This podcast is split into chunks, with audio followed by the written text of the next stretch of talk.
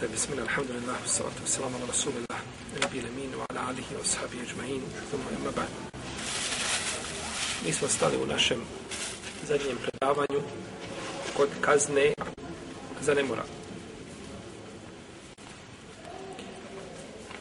Čovjek koji počini nemoral može biti u jednom od dva stanja.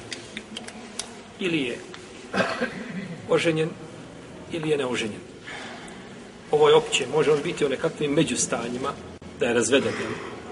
Ali u ovome slučaju to znači e, nije bitno, odnosno ne mijenja propis, nego mijenjaju znači jedno od dva stanja. Jer je znači oženjen, oženjen ili je neoženjen. A, pa pod neoženjen, znači, odnosno pod oženjen, pod, pod e, uh, propis oženjenog je čovjek koji je, znači, bio oženjen. Pa čovjek koji je, znači, sklopio bračnu vezu i imao intimni odnos sa ženom jedan put sklopio je ispravnu bračnu vezu. Znači, nije, nije sklopio bračnu vezu koja je neispravna šarijetski. Nego mora biti, znači, ispravna, imao intimni odnos jedan put i razveo se i ostao 15 godina razveden i kada počini nemoral, on se tretira oženjenom osobom. On više nije neoženjen. On se tretira oženjenom, znači, osobom. Tako, znači, kako muškarac, tako je li i žena. A, da bi se čovjek smatrao, ovdje govorimo oženjenim, a treba da prvo bude punoljetan i da bude razuman. Da bude punoljetan i da bude razuman.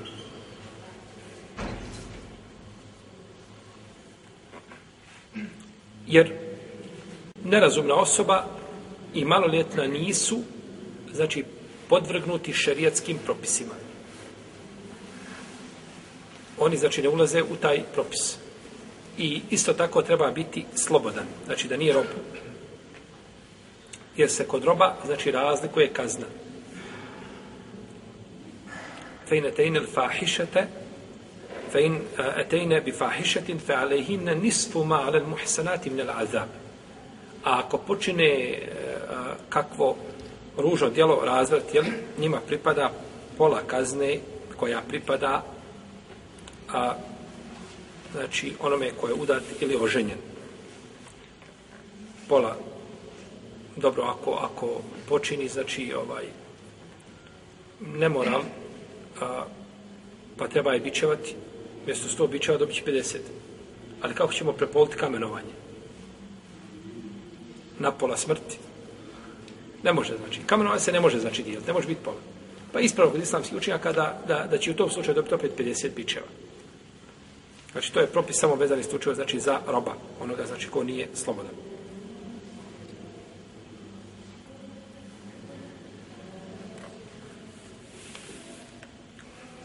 A, Ali radijallahu anhu kada je naredio mu poslanik sa osvijem da ide da kazni robkinju koja je počinila nemoral kaže pa sam došao kaže pa sam našao da je kaže e, u unifasu što kaže da ona bila šta brašna vezi znači zaključuje se za disak unifas znači bila je trudna znači imala je bračnu vezu i onda počinila nemoral pa je ovaj zbog toga znači ovaj kažnjena a, jeli, nakon toga kaže da je bićevo.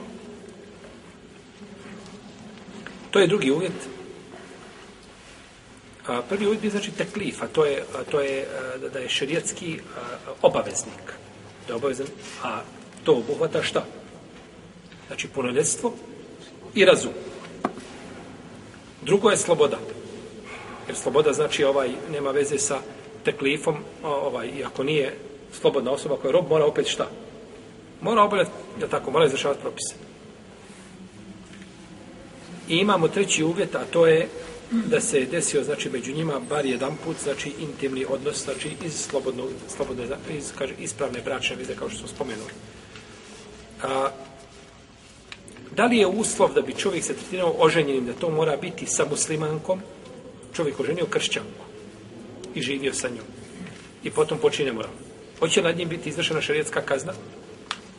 Tu se islamski učenjaci znači razilaze. Ispravnije je mišljenje koje zastupa imam Šafija, imam Ahmed i drugi da se on tretira oženjenim. Znači da može biti, znači da se tretira oženjenim. kao što dva kršćana koji su oženjeni, pa počine nemoral, oni ulaze u propis, znači, oženjeni osoba. A,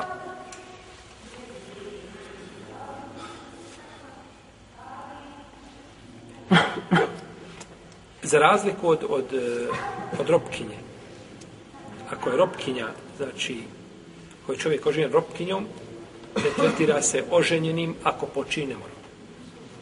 Ne tretira se, znači, oženjenim. Šeho sam je kaj mi je Mokin govori o tome opširno. Tada kaže, taman ovaj bila žena slobodna, ružna, pa je li toga na, na, na neki način, je li sebi traži opravdanje da počine moral, bit će kažnjen.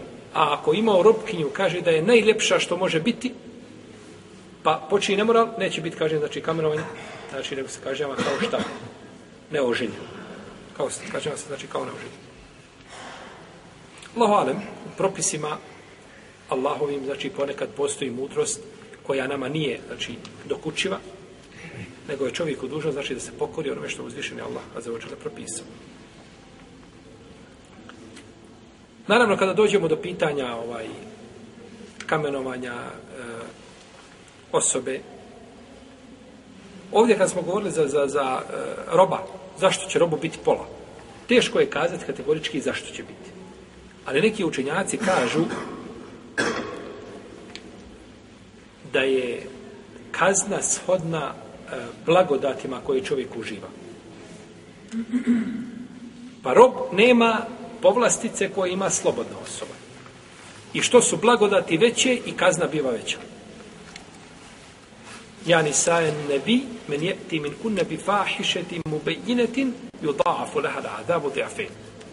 O žene poslanika, koja od vas počini a, nekakvu očitu bestidnost, kaže njoj će biti dupla kazna. Zašto dupla kazna? Zato što su njene blagodati duple i više nego duple. Zato što je žena poslanika i zato što ima, znači, ovaj poseban, znači, status u tom pogledu, pa živi, znači, u kući objave i ne treba, znači, da čini nešto što ne doliči. Pa bi imala duplu kaznu. A tako rob koji ima manja prava, on ima šta? Manju kaznu.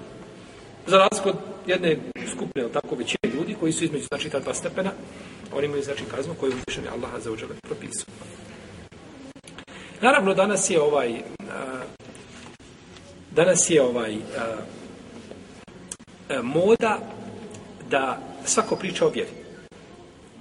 To je znači moda koja je raširena kako u arapskom svijetu, tako i kod nas ovdje i na drugim mjestima. I o vjeri često pričaju ljudi koji su islamski mislioci, e, dobronamjerni ljudi i sl. tome. Znači, u nijet niče ne ulazimo, imamo znači lijepo mišljenje o muslimanima, međutim, lijep nijet ne znači nikako da čovjek ima pravo da priča o vjeri. Islam, braćo, ima toliko svojih disciplina koji bi čovjek morao bar imati nekakav opći pregled tih disciplina, ako koji ne poznaje u tančine, što je teško, da zna općenito na čemu se to zasniva Islam i čime se može dokazivati. A ljudi dođu, ne zna ništa o tome i dođe i priča o najpreciznijim šarijetskim pitanjima. Ima jedno dijelo štampano je u 15 tomova. Fikska pravila. Fikska pravila. Ti koji pričaš o vjeri, gdje mi spomeni jedno? Samo mi jedno spomeni, neću komentar nikakav. Svako fiksko pravilo ima svoj komentar. Ti mi spomeni samo jedno pravilo. Ili spomenut ćemo ti dva pravila, fiksko i usulsko. I te, ti razluči koje je fiksko, a koje je usulsko. I na osnovu čega ćeš razlučiti. A šarijet je samo po pravilima. Imaš pravila i kroz jedno pravilo proturiš 30 mesela. Kroz drugo pravilo 50. Kod treće je 1000. Pravilo. Kaže, kako pravilo? Otkud pravilo? Pravila koja se izučena iz Kur'ana i sunneta. I ljudi dođu, znači, kad pričaju o vjeri, cirkus naprave. Cirkus živi naprave od vjere, znači, govore, a ne znaju, znači, ni, ni, nikad čuli za to nisu. A ne kažemo, znači, da su prošla i prošla nešto o disciplinama, ni to možeš pročitati na bosanskom jeziku, ni tome nešto ima, ili ono što ima, to je sasvim malo i mizerno, to ne može ovaj toliti glad, niti žić.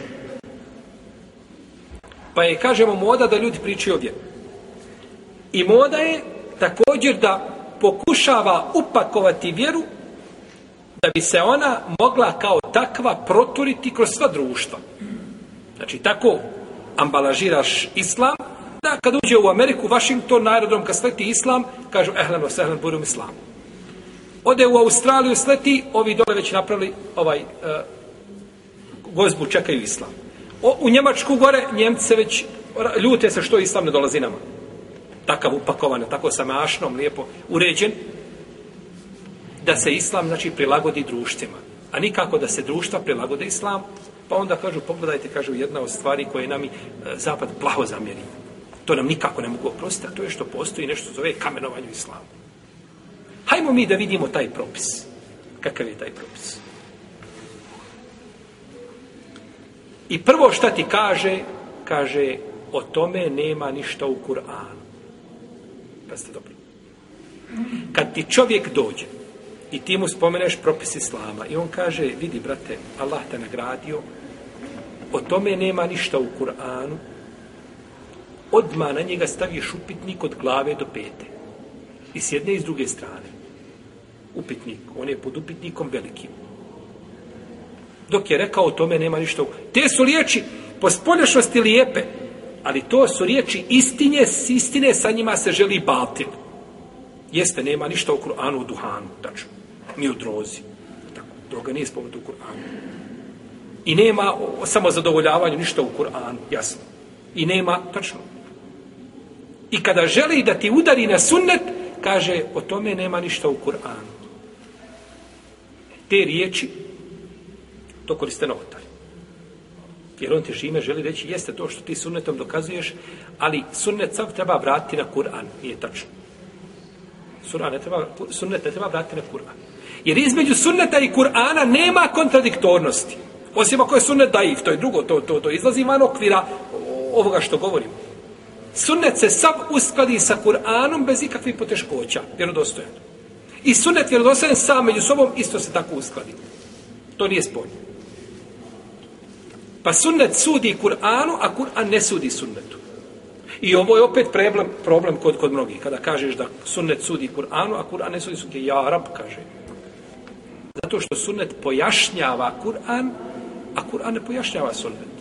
Pa je Kur'an došao općenit, pa ga sunnet pojašnjava. Pa mu time sudi u smislu da pojašnjava njegova značenja, a nećeš naći rijeđe osim rijetko, možda slučaj ili dva, da je Kur'an pojasnio sunnet. Pa je znači, ova skupina ljudi kaže o tome nema ništa u Kur'anu. Hoće ti kazati, to je plaho šupeli što ti govoriš.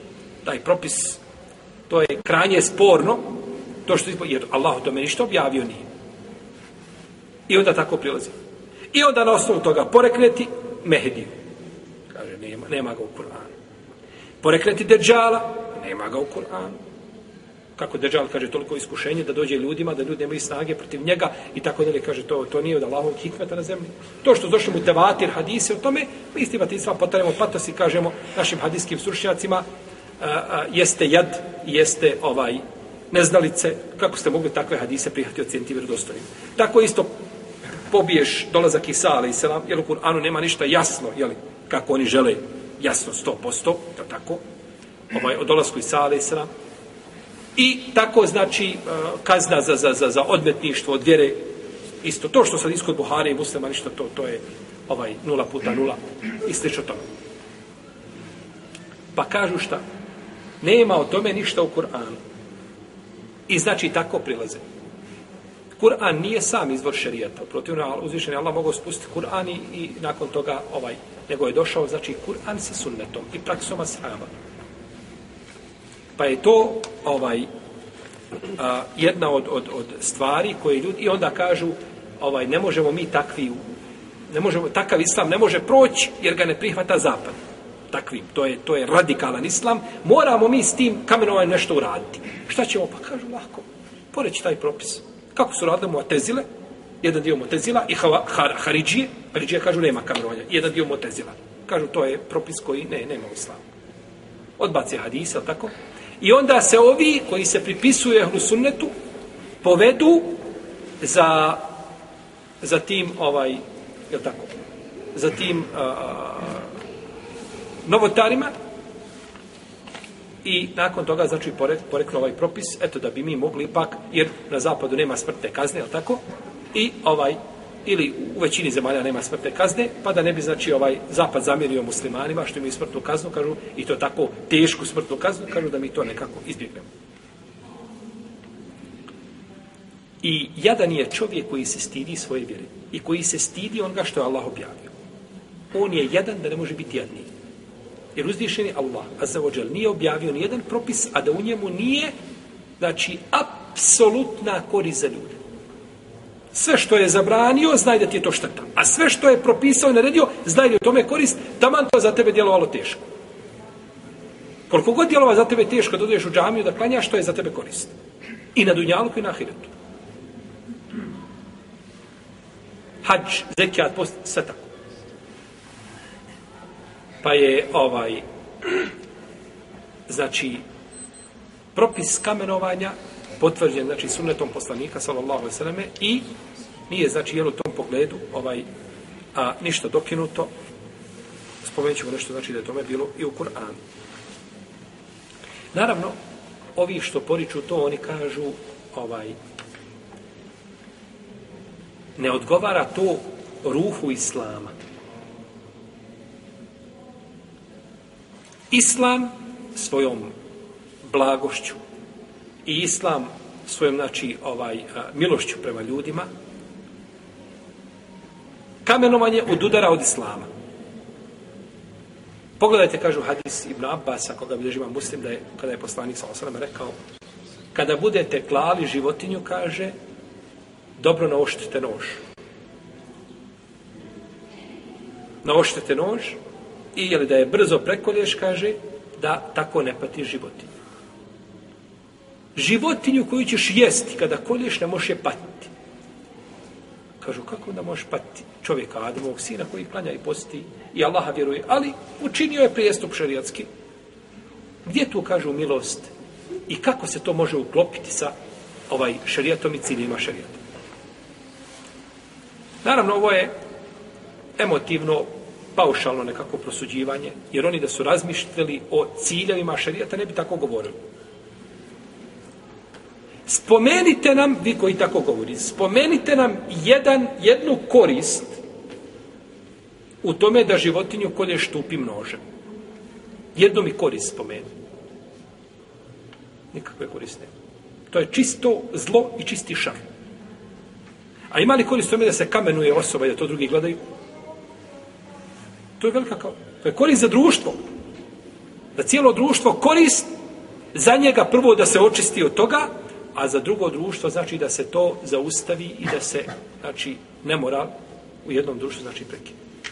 Pa je u tome korist, a u ovom drugom nema korist. Pa šarijat nije propisao nešto što ljudima je teško, a, a u njemu nema korist. Nego znači mora u tome definitivno znači biti nekakva ili korist. To je znači što se tiče ovoga, e, e, znači ove definicije u stvari oženjenom, ko se tretira, znači oženjenom osobom. Kazna za čovjeka koji nije oženjen. Ili nije udata, znači je isti je propis za jedno i za drugo. Tu je ulema složna, je li oko toga složna i na ome propisu prethodnog, pazite. Ulema je složna. To što Haridžije i Mu'tezile kažu suprotno, to ne utječe na konsensus ehlu sunneta. Od ehlu sunneta nije o tome niko pričao. A to što Haridžije kažu, oni su jednako davno van tog kruga. A Mu'tezile, da ne govorim. A, što se tiče, znači, ovaj, e, ne oženjenog ili neudate, znači, to je ovaj predmet jednoglasnog stava, jer uzvišen Allah kaže, zani je tu zani, feđli dukule vahidi minhuma mi je Znači, neudatoj i neoženjenom udarite svakom od njih po stotinu bičeva, to jest jel ako počinemo. Međutim, hoće li uz ovu kaznu biti još dodatna kazna kakva ili samo bičevanje? Predmet je znači spora među islamskim učenjacima. Islamski učenjaci znači se razilaze na tri mišljenja po tom pitanju. Jedan dio učenjaka kaže da ga treba protjerati godinu dana. Pored bićevanja, bit će protjeran godinu dana iz mjesta gdje živi. I Sarajeva ga, na primjer, protjeraju u Mostar ili u Bihać. Znači, pored toga što će biti, znači, bićevan. I ovo se prenosi od pravednih vladara, od četvrce pravednih vladara. I prenosi se od Ata i Tausa i Seura i Ishaka i Ebu Seura i Šafije i Ibn Hazma i drugim. Oni to dokazuju hadisom u Badi Samita u kome se kaže da je poslanik sa osvrame rekao uzmite od mene, uzmite od mene, to jeste propise. Allah je, kaže, njima učinio izlaz. Neoženjeni i neudata neka budu bičevani sa stotinu bičeva i protjerani godinu dana. Neka budu bičevani i protjerani godinu dana.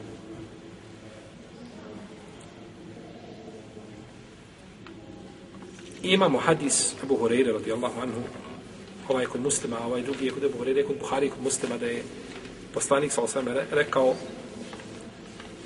čovjek onome što je njegov sin počinio nemoral kada je bio iznajmljen sa ženom čovjeka koji ga je iznajmio pa kaže tako mi onoga učinio Lucija moja duša ja ću vam presuditi po Allahove knjizi. Kaže tvoga sina treba bičevati i treba ga protjerati godinu dana. I ne prave ovdje razliku između muškarca i žene i muškarac i žena će znači biti protjerani znači godinu dana Drugo mišljenje je da će biti protjeran samo muškarac, a neće žena. I to je stavi mama Malika, je uzaje. I kažu, to je za ženu smrt, da ona bude protjerana. To je njoj put da čini tek onda fesad. Protjeraš je negdje daleko i onda, kaže, može činiti fesad. I kaže, došao je hadis koji zabranjuje ženi da putuje sama bez mahrema da putuje sama bez mahrema, koliko dan i noć. Znači, ta razdaljena neka koja bi bila možda 80 km ili približno tome, žena ne smije putovati osim s mahremom. I treće mišljenje je da će biti samo s, a, a, da, da, da, da, da nema znači ovaj protjerivanja osim ako to vladar uzme kao tazir, kao popravno odgojnu mjeru, znači tom čovjeku, zbog fesada određeno koga čini slično tome, ako to vladar procjeni, u protivnom, ostaje samo, znači, samo bićevanje. Wallahu alem da je ispravnije da će biti protjerana ta osoba. I muškarac i žena da će biti protjerani godinu dana. Pored bićevanja, znači, i protjeruje se iz tog mjesta godinu dana. Jer je došlo u vjerodostojnom hadisu da je poslanik sa osrme rekao El bikrani juđledani u. Kaže, neudat, to neudata i neoženjen, bivaju bićevani i protjerani godinu. Znači, tako došlo u vjerodostojnom hadisu. El bikran, dvoje koji su, znači, ovaj, jeli, nevini. I on je nevin, i ona je nevina, je tako? Biće protjerani, bićevani i protjerani. Kaže se u dvojini za oba dvoje. Pa nije napravljena razlika. Tako da ovdje ova jeste ovo mišljenje da, da je to za ženu fesad, da je to što ima Malik zastupaju za i drugi, da je to ovaj za ženu put za fesad i, i nered, to je jako sa strane logičkog posmatranja. Međutim, kada dođe šarijetski argument, tada logika, znači, nema udjela. Mora se raditi po argumentu. Dobro, kako ćemo to riješiti sa ženom koja ode i napravi fesadne. Kažu, to rješava imam muslimana. I pogledajte koliko je zlo za društvo jedno da nema, da nemaš, da nema islamske vlasti. Da ne postoji, znači, vlast. To bi on trebao obezbijeti. Znači, da pripremi jedno mjesto poseban, dom jedan, na primjer, da bude u jednom gradu ili par gradova gdje će se ljudi protjerivati, je tako, i borave tu u domu, imaju tu, znači, odvojne mjere, imaće predavanja, imaće, znači, da im se iman poveća, da se ne vrate više, znači, na, jel, u smislu, znači, imam bi morao preuzeti tu obavezu da i da budu pod kontrolom, jel tako? Znači, da se ne može više ponoviti slična ili stvar. Tako da u tome nema zapreke, ako su došli vjerodostojni hadisi, znači, ne može se to pobiti ničim mišljenjem. A što se tiče samog bićevanja, islamski učenjaci su složni a, da, da će bić kojim se bičuje čovjek biti ili žena biti jedan biti, biti ovaj a, bić koji je a, znači srednje nekakve krutosti. Neće biti znači krut suviše da, da, da ostavlja tragove velike niti nešto nježno i blago kao da ga masiraš. Je tako? Nego mora biti znači udarac. Mora osjetiti bol ali opet nekakva sredina i onaj koji udara znači nećemo dovesti najjačeg u gradu tako koji tamo po svaki dan 100.000 udaraca udari u onu breću makivare one udara, nego do, dovedemo, znači, prosječnog čovjeka koji će dići ruku samo toliko, znači, da mu bude u ravnini s ramenom. Neće, znači, diza da se vidi belina, znači, ispod pazuha. Nego, znači, na pola i onda udari. Pola i udari. Nije, znači, to sada nekako bičevanje, nakon koga čovjek više ne može ovaj dva mjeseca na noge stati, tako da. Ciljana je, ciljan je, znači, ukor i da osjeti bol, ali nije, znači, bol od koje bi trebao podleći ili da je to iživljavanje nad tom osobom. On jeste učinio prijestup, ali ne, ne, ne znači nikako da se može neko iživljavati na njim zbog grijeha koga je učinio. Možda se sutra popravi i bude bolji, znači, od drugih ljudi. Pa je to, znači, kazna i ukor da zapamti da se to ne isplati raditi.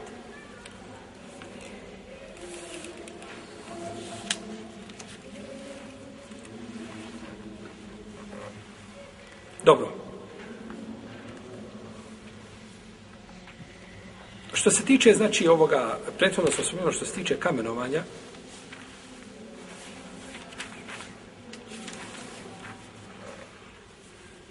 kazali smo da nema razilaženja među ehlusunnetom od ashaba i tabina i drugi, znači da je to propis koji je a, koji nije dokinut u šarijetu, koji nije stavljen van snage. Došlo u hadisu Džabre, ali tako da Eh, u hadisu Badi ibn Samita, proste koga smo spomnjali danije, kaže poslanik sa osam, uzmite od mene, uzmite od mene, kaže Allah je našao njima izlaz, kaže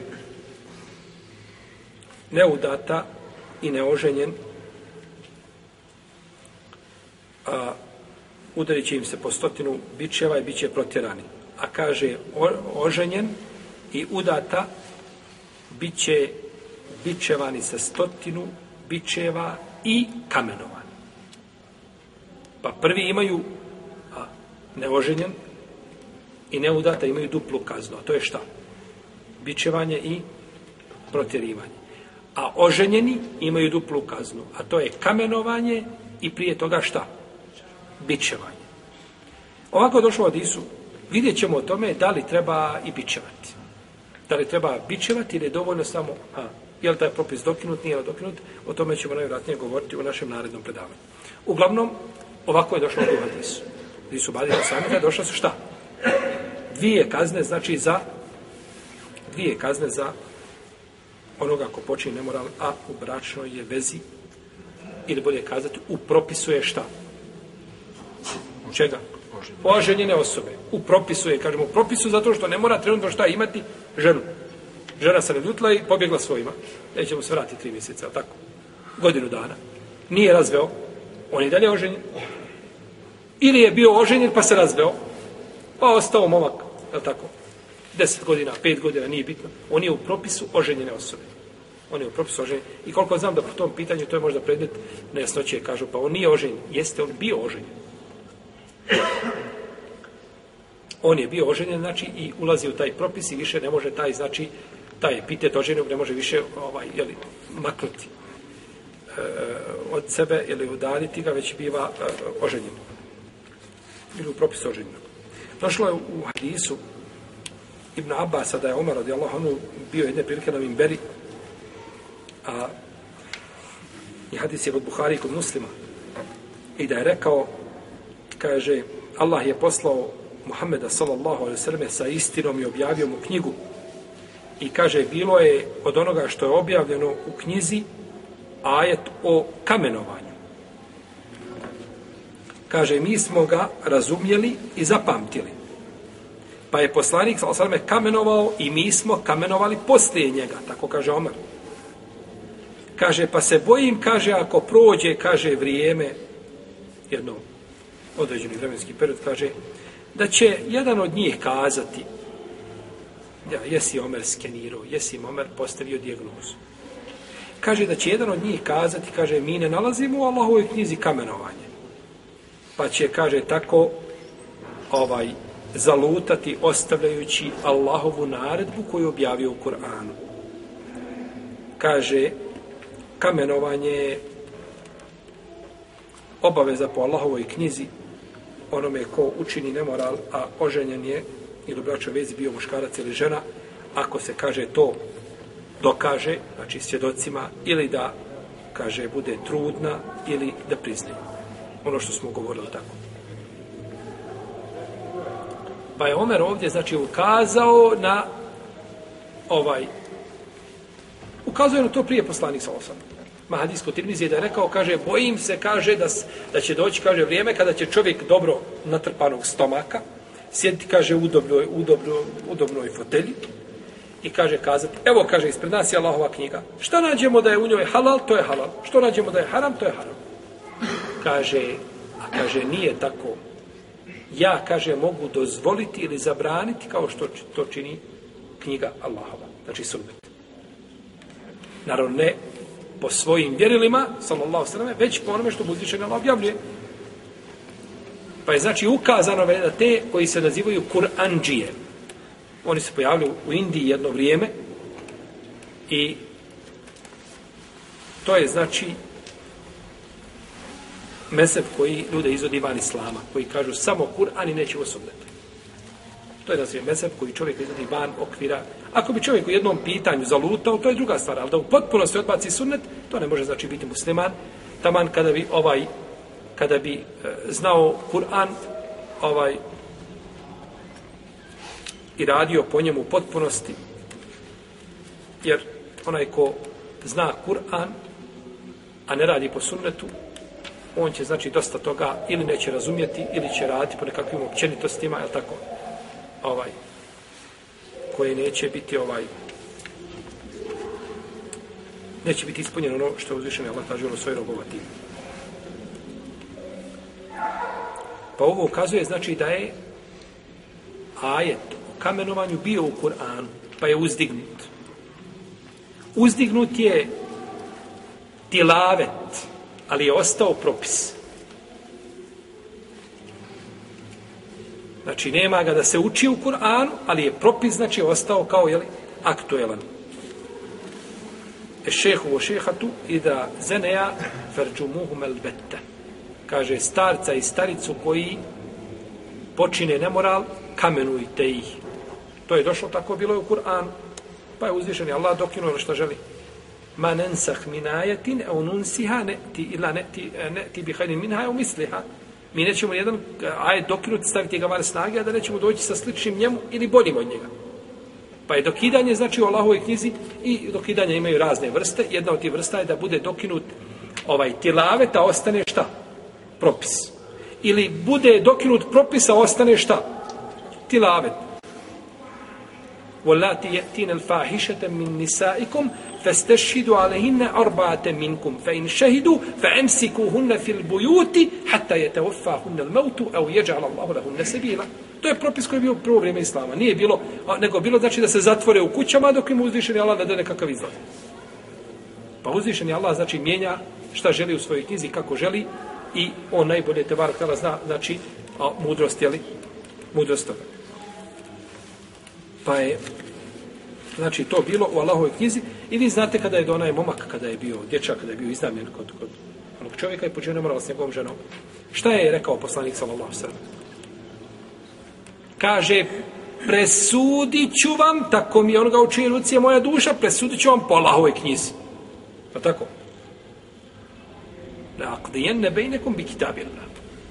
Kaže što se tiče njega mladića koji je počinio kaže, vratite nazad stoku i šta? Šta je još dobio stoku? Zboravili već. Slugu.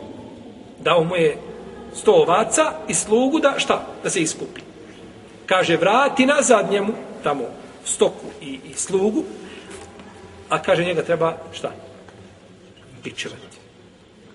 A kaže, nju, kaže, ovaj, a, treba kamenovati. Kaže, o Unejs, idi, kaže, i pita je, rekao Enesu, tako iz Miljaga ga Unejs, Neis, kaže, idi, kaže, i pita je, kaže, pa ako prizna, pa je priznala, pa je kamenom. A šta kaže? Presudit ću među vama po Allahovoj knjizi. Pa je naredio da ona bude šta? Kamenom. Što ukazuje da je taj ajet bio u Kur'anu. I o to je danas predmet ismijavanja od ovaj modernista i od ovih koji bi da, da islam upakuju, kažu, to su priče za malu djecu. Pa poslanik sam sam kaže da sudi po lovoj knjizi i presudio znači kamenovanje. A gdje je to da pa bilo je znači pa je nakon toga dokinuto alhamdulillah među ehlu sunnetom znači nema po tom pitanju nikakve nesnoće. I zato je braćo jako bitno da čovjek zna od koga sluša znanje. Ljudi dolaze i govore i pričaju med mu curi s jezika. Kada ga slušaš, on jednostavno ljude, on ljude, znači, opsihri svojim lijepim govorom. A batil priča. Nije bitno kako govoriš, nego šta govoriš. A to kako govoriš, to ti pusti. Jer ljudi, govornici, tako, oni su izježbani da ti, da ti, to mu je, to mu je zadaća. Da ti batil predstavi istinom svojom rječitošću i svojim lijepim izlaganjem i tako dalje. Pa se čovjek, znači, ne bi smio upecati na nečije, lijepo izla, nečije lijepe riječi, a da mu, znači, kroz to, znači, proturi nešto što je batil. Što je neispravno. I poslanik sallallahu alejhi ve selleme kamenovao četiri osobe. Četiri osobe. Kamenovao je Majza, Gamidiju, kamenovao je a, a, jednu ženu iz Džunehe i Džuhejne. I kamenovao je dva dvije židov, dva židova, muškarca i ženu. To je bilo pet osoba, ali su četiri slučaja. Znači nemoral, na koje se zna. I mimo toga, znači, nije poznato šarijetom, nije potvrđeno da je neko drugi imao tu kaznu. Od ovih četvara, odnosno petero. Kada je došao Majz, došao i posjedočio, a, kako došao u Hadisu Džabira, posjedočio protiv sebe, pa je poslanik Salzar naredio da se kamenuje. I to je došlo u Hadisu Ebu Hureyre i Ebu Sejd al-Hudrija, Ebu Hureyre i drugi, da je on kamenovan.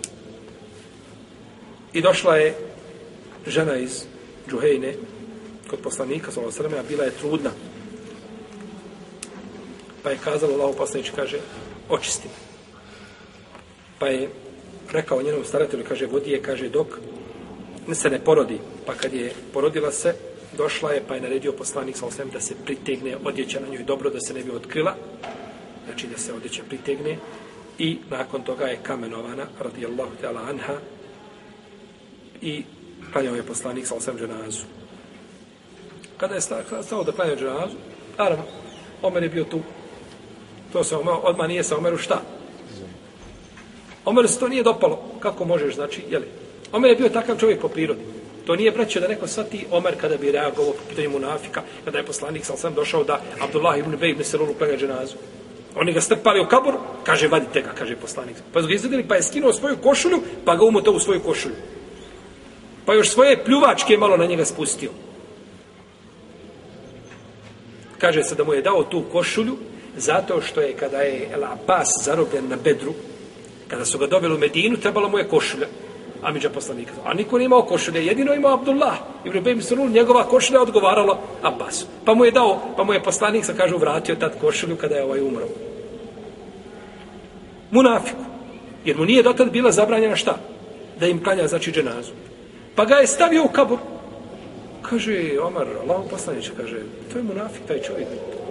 Hadi se to lifk, potvorio Ajšu, radi. Bio je uvijek, on je bio uvijek, on je bio taj koji je rekao, le in rađana ila medineti, le je la le azu min haladel.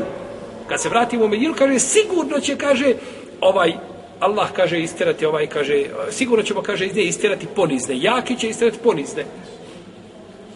Pa se vratio, pa kada je vratio se odmah i, i, i umro je. Nije, izišao je ponizni, izišao iz nje. Ovaj, tako da je poslanik sa osanem, kad mu Omer rekao, kaže, kako ćeš poklanjati dženazu? Kaže, Omer, meni je dato ovaj izbor. To tako. In te stagfir lahum, e la te stagfir lahum. In te stagfir lahum seba'ine marraten, fele jagfir Allahu lahum. Kada bi im tražio oprosta i 70 puta, Allah im neće oprostiti. Kaže da znam da će im malo oprostiti kada bi tražio više od 70 puta, ja bi, kaže, tako činio. Kaže, Omer, nije mi zabranjeno. A poslanik, sa sam uvijek išao tom linijom milosti prema ljudima. Pa čak ima prema takvim najgorim stvorenjima. Ali kada je zabranjeno, kada došla zabrana, znači u suri Teube, nakon toga više nikome nije klanjao od njih dženazu. Ona tu salli ala ahadi minhum mate, pa ona tekom ala kabri. Nemoj nikome više od njih klanjati, nemoj nad njegovim kabrom stojati. Jer je znao poslanik sa osam imena munafika. A do tada je, znači, ovaj, a, bio, znači, prema njima, jel? Pa je došao ovoj ženi da klanja, kaže Omar, Allah poslaniče, ne mora li počinila, što ćeš joj klanjati dženazu? Jer kažemo, to je priroda Omera. To nije u Omeru šta? Ono što šije žele nužno provući uvijek gdje mogu. Pogledajte Omera kako se on uvijek nešto protivio, uvijek je on nešto... On je takav po prirodi čovjek bio. Jak čovjek po prirodi, osjećao svoj ponos i nije dozvolio da tu dolazi neko da, da, da jel tako? I da se zna ko je bogobojazan i ko je grešnik. Međutim, ovaj, Allahu poslanik sa osvijem kaže, Omere kaže, ona se je pokajala te kada se podijelo, kaže, na 70 stanovnika Medine, kaže, bilo bi im dovoljno. Kaže, zar ne vidiš, kaže, da je došla sobom. Kaže, koja je te oba iskrenija od te da je došla sobom, da prizna i kaže da bude očišćena. Da bude očišćena, znači, od, jeli, od grijeha koji je počinio. I što se tiče ovih židova, a oni su došli, znači sa muškarcem i ženom koji su počinili nemoral, pa je, pa je ovaj, rekao poslanik sa osram, kaže, šta nalazite u Tevratu? Kakav je propis u Tevratu, znači za takve? Kažu, nalazimo, kaže, u Tevratu, da ih treba, kaže, osramotiti, da ih treba bićevati. I kaže, trebamo ih, kaže, nakon toga, ovaj, razdvojiti njih dva i staviti malo na mazge, jel tako, provodati malo kroz, kroz, kroz ulice da ljudi vide, da ih osramote. Kaže, donesite Tevrat da vidite da vidimo ono te vratu tako. Pa su donijeli te vrat, pa su otvorili, pa je čitao, jedan momak je čitao te vrat, i kada je došao do ajeta kamerovanja, stavio ovako ruku preko njega i pročitao ono što je ispred i ono iza. Znači, stavio je prst preko toga ajeta. Kada je pročitao, kaže Abdullah ibn Selama, on je bio tu prisutan, učenjak od koji je primio islam, tako, židovski, kaže Allah poslanič, kaže, recimo, kaže, neka sponi ruku i neka čita. Pa su pročitali, kada je pročitala ono ajet kamenovanja. Kaže, e, jest stvarno, stvarno Muhammedu pravo, jest, jeste kamenovanje. Pa je poslanik sa sam naredio da se, jeli, iako nije znao čitati, on je znao kakav je propis. Sallallahu ala rasulina. Pa znači tako bili, jeli, kažnjeni.